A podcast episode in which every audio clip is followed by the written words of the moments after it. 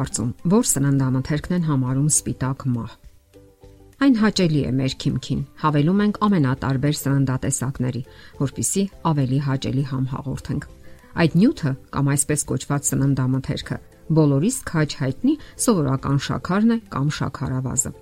Երբեմն գրում են շաքարավազի վնասների մասին, սակայն այն շարունակում է մնալ ամենաշատ օգտագործվող սննդամթերքներից մեկը։ Բոլորն էլ գիտեն, որ ոչ ճափավորված սնունդը վտանգավոր է առողջության համար։ Դա հատկապես վերաբերում է շաքարին, որովհետև այն սկսել է մտնել ավելի ու ավելի շատ սննդամթերքների ու անգամ ճաշատեսակների լցոնների բաղադրության մեջ։ Ծննդյան առաջին օրվանից արդեն երեխային սովորեցնում են շաքար օգտագործել։ Կրծքի երեխաներին շատ քաղցրացված կատնային խառնուրդներ են տալիս, շաքարով քաղցրացված թեյ, հատկապես այն դեպքերում, երբ նրանք ստիպված են առանց մայրական կաթի մնալ։ Սովորելով շաքարի համին, երեխաներն այնքան էլ հաճույքով չեն օգտագործում մրգային ու բանջարեղենային հյութերը։ Մասնագետներն ասում են, որ համային զգացումներն ու սովորությունները մարդու մեջ ձևավորվում են արդեն վաղ մանկական հասակում։ Իսկ երեխաների մեծ մասը այսօր մեծ քանակի կոնֆետ, շոկոլադ, մուրաբա եւ այլ քաղցրավենիքներ է օգտագործում։ Նույնիսկ փողոցում քայլելու ժամանակ երեխայի ձեռքին ինչ որ քաղցր սնունդ հիշեցնող բան կարելի է տեսնել՝ պաղպաղակ, թխված քաբլիթ եւ այլն։ Իսկ տոնական օրերին հատկապես այն իր գագաթնակետին է հասնում Փողոցները պարզապես հեղեղվում են ամեն տեսակի անօգտակար եւ անգամ վտանգավոր քաղցրավենիքներով։ Արդյոք փողոցում հանդիպել եք մի երեխայի, որը քայլում է ախորժակով կրծելով խնձորը կամ գազարը։ Երջանիկ պատահականությամբ միգուցե։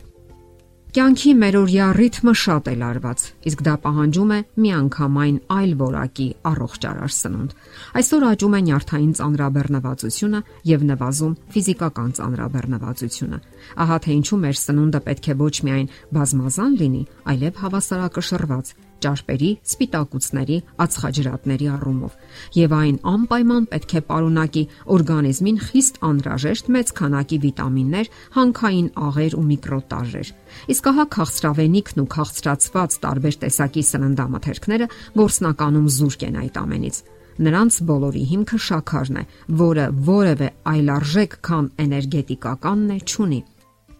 Մեծ քանակի շաքար եւ հրուշակեղեն օգտագործելը արդարացված է միայն այն դեպքում, երբ մարդը ֆիզիկական ծանր աշխատանքով է զբաղվում կամ մարզական բարձր ծանրաբեռնվածության է ենթարկվում։ Սակայն այս բոլորը մեծահասակների դեպքում, իսկ երեխաների համար ավելորտ առաջ շաքարը միայն հիմնախնդիրներ կարող է առաջացնել։ Դրանք ավելորտ կալորիաներ են, որոնք բարձրացնում են ճարպային ու ածխաջրատային փոխանակման խանգարումների զարգացման վտանգը։ Երբ երեխաներն անընդհատ ու մեծ քանակությամբ շաքար են օգտագործում, վտանգ կա այնպիսի վտանգավոր հիվանդություն վաստակելու, ինչպիսին է շաքարային դիաբետը կամ շաքարախտը։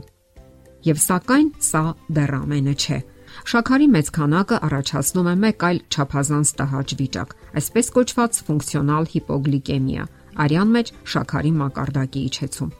Առողջ մարդու մոտ ենթաստամոքսային գեղձը բավականաչափ ինսուլին է արտադրում, որpիսի արյան մեջ պահպանի շաքարի բնականon մակարդակը։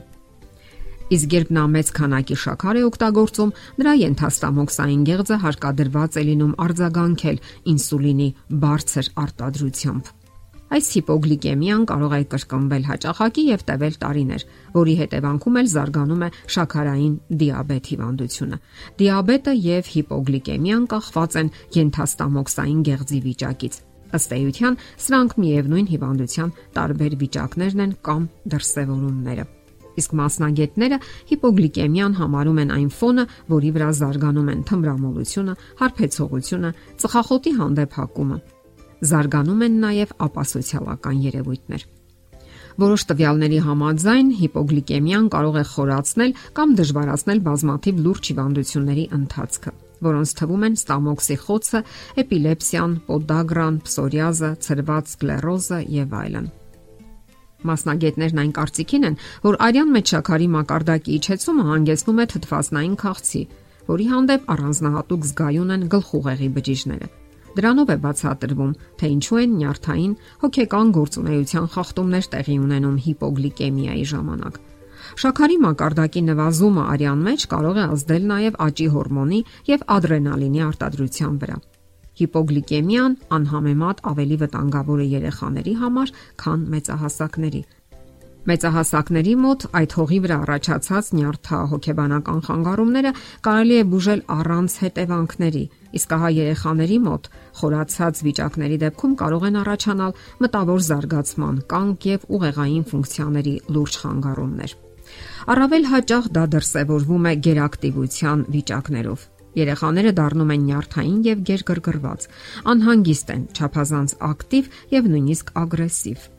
Նրանք հակադրվում են ամեն ինչին դիմադրում, հրաժարվում ամեն ինչից։ Ելքը դժվար չէ գուշակել։ Առավելագույն չափով պետք է հրաժարվել սպիտակ մահից, շաքարից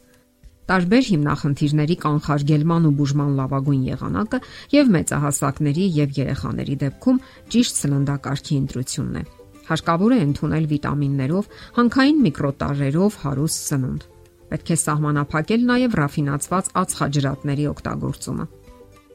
Եթե քաղցրի պահանջ եք զգում, խնդրեմ, բնական քաղցրավենիք է մեղրը, այն բնության հրաշք է։ Մրգերը նույնպես բավականաչափ քաղցր են պարունակում Գոյություն ունի նաև ծառի վրա աճող կոնֆետ, խուրման։ Ահա թե ինչու հարկավոր է բավականաչափ քանակի մրգեր օգտագործել, եւ դա երեխաների համար կդառնա հիանալի առողջ սովորություն։ Միայն այդ ձևով կբացառվի որոշ հիվանդությունների զարգացումը հասուն տարիքում։